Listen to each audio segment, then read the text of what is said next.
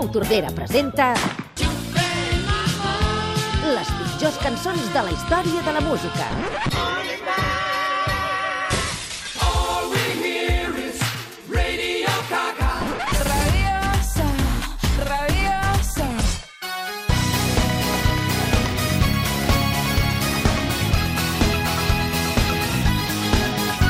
És actor, és cantant, és compositor, és filòsof, és professor, és un mit eròtic, és musicòleg. Arnau Tordera, bon dia i bona hora. Bon dia, estimat. I ben tornat al suplement d'estiu. Home, un plaer absolut per mi. Ens fa molta il·lusió que cada dissabte i cada diumenge durant tot aquest estiu i per segon any consecutiu ens acompanyis en aquest programa. Aquest any alguna cosa a dir o et penses quedar mut aquí? No, estic expectant per començar aquesta Per fa secció. il·lusió o m'he de buscar aquí el... Sí, no, a veure, una mica d'il·lusió sí que fa, no? Una mica, I eh? tant, i tant. Has hagut de renunciar a moltes feines aquest estiu per poder estar amb nosaltres? Home, he suprimit una gira per Austràlia i una gira per Nord-Amèrica, però bé, la veritat és que... Veure, home, amb el que et paguem ja t'ho pots permetre, la veritat, Home, perquè i déu-n'hi-do, sí. eh, del que tens. I tant, i tant, no, home, a les estrelles tenim aquestes coses, Roger. L'Arnau cada setmana repassarà les pitjors cançons de la història de la música. La novetat és que aquest any, si plau, us demanem ajuda als oients. Si voleu compartir les pitjors cançons de la història de la música, escriviu-nos a suplement arroba catradio.cat, facebook.com barra el suplement i twitter.com barra el suplement. Les pitjors cançons de la història de la música. La temàtica de la primera llista em fa molta por. De fet, eh, em fa por perquè pateixo per si ens tanquen el xiringuito abans de començar. No, no, no has de patir per res. La veritat sempre ha d'estar exposada a la gent. S'ha de- d'oferir s'ha de mostrar amb les portes obertes. I, evidentment, no podia començar aquesta secció amb una altra, amb una altra, sec- amb una altra tipologia de cançons que no fos precisament aquesta.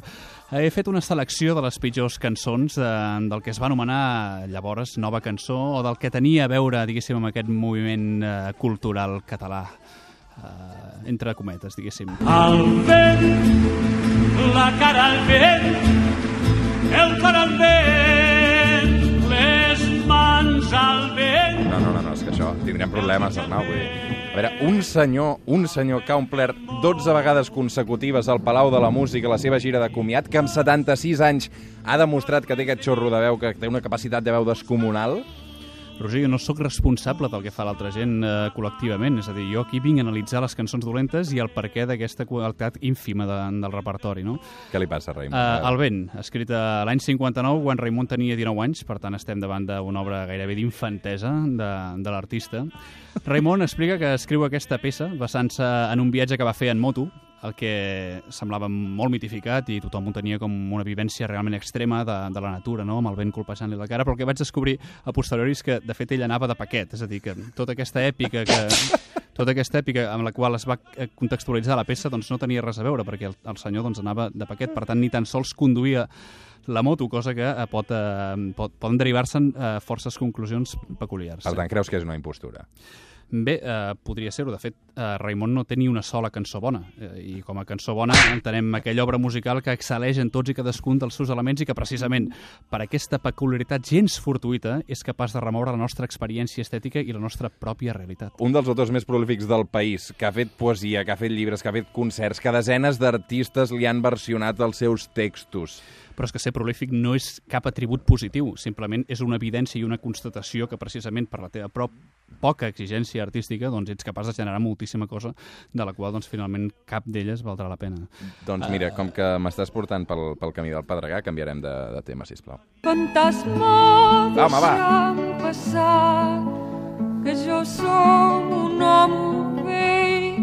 Fantasma, deixa'm passar. El fantasma de Maria del Mar Bonet. L'any 71 apareixia aquesta, aquesta obra, aquesta versió, de fet, eh, en el seu disc eh, L'Àguila Negra. Boníssim. Bé, Roser, has de tenir en compte que l'any 71, eh, una mica més lluny de- d'aquest nostre estimat país, Led Zeppelin estava, estava traient el seu quart disc, aquest disc, aquest famosíssim disc sense, sense títol, el disc que possiblement és el més gran disc de la història de la música moderna. I aquí eh, es cantava El fantasma. Fantasma deixa'm passar que jo som hom vell, fantasma deixa'm passar que duc un mando de rei, que ningú pot aturar que jo som un hom vell. No està malament. Bé, és una lírica d'herència tradicional, eh, però evidentment si un eh, es decideix a versionar una peça històrica, s'ha d'oferir una mirada innovadora, s'ha de fer reneixer la peça, s'ha de poder expressar a través de l'espai estètic propi de la contemporaneïtat, i és evident que aquesta versió no, no ho aconsegueix. Però bé, eh, seguim amb una altra versió femenina. Rossinyol, que vas a França, Rossinyol. Atura un xicle volada, Rossinyol, donde busca... Ara mateix al 932017474 estem rebent una munió de trucades de, a la centraleta de Catalunya Ràdio mm, demanant, si plau que abandonis l'estudi.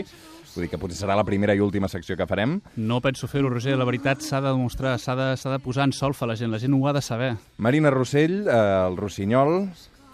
Si l'Ostrell ens està escoltant, li haurà agafat un atac de cor perquè, evidentment, està enamorat. Bona prova n'és la vegades que, que ha vingut en aquest programa la Marina, perquè és bona amiga del suplement. Home, i és una grandiosa artista. Eh, la cosa que no treu que aquesta versió d'aquesta ca tradicional catalana al Rossinyol no sigui precisament la seva peça més notable. Uh -huh. Escoltem-la, escoltem-la, vull fer una referència instrumental. Una nit buida d'estrelles, Rossinyol. Va sentint, no?, aquí a, a l'oïd esquerre, el, el Una mena de clavicèmbal, no, can, exacte, exacte. Bé, un home, un home culte, un home culte i cultivat en, en l'art de la música i la, i, i la musicologia. Sí, en efecte. Mol, molts és... anys de solfeig, mira, ma mare en té la... Sí, sí. No, no, es nota, es nota en la personalitat i en la parla. La qüestió és que, sorprenentment, eh, Marina Rossell va decidir incloure un clavicèmbal en aquesta peça i és un instrument que no para de sonar, no para de sonar. És a dir, va abandonar la seva guitarra i va apostar per un clavicèmbal que no sé del cert si és real, si és sintetitzat, etc etc. La qüestió és que he intentat trobar alguna mena de coherència a tan nefasta decisió i la veritat és que després de rebuscar en el meu notable... Eh, Arxiu? I, eh, el meu notable i gens menys tenible arxiu musical, doncs he arribat a aquesta conclusió que durant el segle XVIII a, a França el clavicèmbal era un instrument prou... Eh, prou eh, Ja sé per on vas. Que, per on vaig. Notori, un, un, és a dir, un instrument important que Era- venia de era- França i el rossinyol... Exactament, Eh, d'aquí d'aquí se'n deriva aquesta conclusió. Si, el- si el Rossinyol anava a França era perquè se sentia tret pel, pel cant del clavicèmbal, no? Seria una cosa similar així, però de tota manera, eh, bé, la qüestió és que no tinc gaire més explicació, és una, és una peça desafortunada, però tinc molts més arguments per eh, demostrar-te la eh, nefasta versió eh, de la peça que ve a continuació. Quizá porque No, no, no. mi niñez sigue jugando en tu playa. No, no, és que, no, és que tindrem problemes. Tras las cañas duerme mi primer amor, llevo tu luz y tu olor por donde quiera que vaya. Y amontonado en tu arena. És a dir, Marina Rossell, Maria del Mar Bonet, Raimon i ara el noi del Poble Sec, amb una de les temes més universals que té aquest país. Bé, Joan Manuel Serrat i el seu Mediterrani mereixen ser dins d'aquesta secció de les pitjors cançons de la història de la música per una qüestió eh, simple, una qüestió simplement d'incoherència artística, Roger. Uh, com bé sabràs, el bon cantautor treballa sempre amb la seva guitarreta, fa cançons més o menys reeixides, alguna d'altra alguna altra més o menys positiva, més o menys interessant des del punt de vista harmònic i melòdic, i llavors eh, porta això a uns altres, uns altres personatges, uns altres professionals que es dediquen a arranjar, a transformar aquella peça germinal en una altra peça, no? Doncs a l'any 71 passava això, succeïa això. El bo d'en de, d'en Serrat va compondre aquesta peça en, en, amb una guitarra, una peça senzilleta, una peça diminuta com el mar, com, com aquest Mediterrani, el nostre mar petit, no? I llavors va anar amb uns arranjadors que, eh, com és evident i, i comprensible, l'any 71 no tenien gaires possibilitats d'enregistrar amb orquestes, amb grans, eh, grans desplegaments instrumentals i aprofitaven qualsevol oportunitat per eh, explaiar-se, no?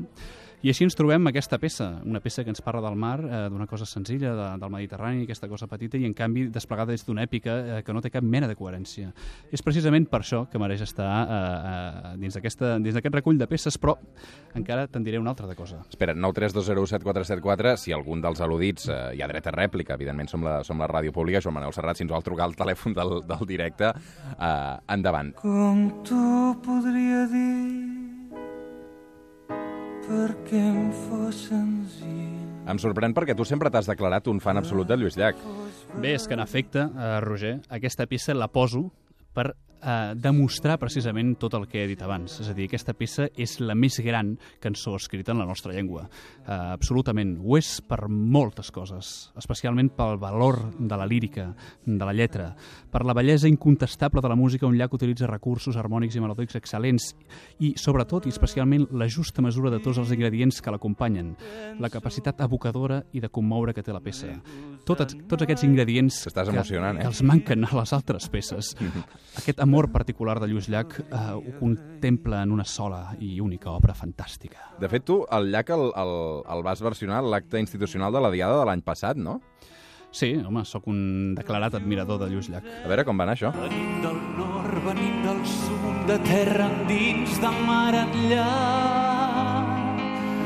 I no creiem en les fronteres si darrere hi ha un company amb les seves mans esteses on per vindre alliberat. Em quedo amb l'original, sens dubte, Tordera, per compensar totes aquestes bajanades que has dit en aquesta secció d'avui.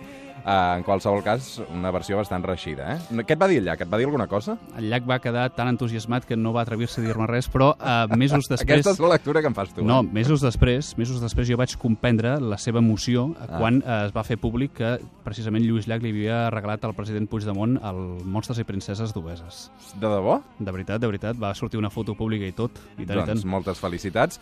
Acabarem amb aquest Venim del Nord, Venim del Sud, versió eh, Arnau Tordera. Demà el tornem a tenir aquí durant tot l'estiu també, en principi, si no ens tanquen, com dèiem, el xiringuito, que és bastant possible. Vull dir que no et facis emocions de venir cada dia, eh? Gràcies, Arnau. Fins demà. Vinga, un plaer.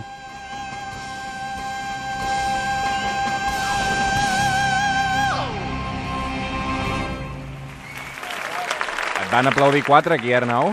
No, una multitud. Quatre et van aplaudir. Centa, vas, centenars vas, de milers. vas, vas quedar fònic després d'aquest. No, jo sempre utilitzo aquesta tècnica vocal de- d'aguts eh, absolutament desorbitats. Va, passa, passa.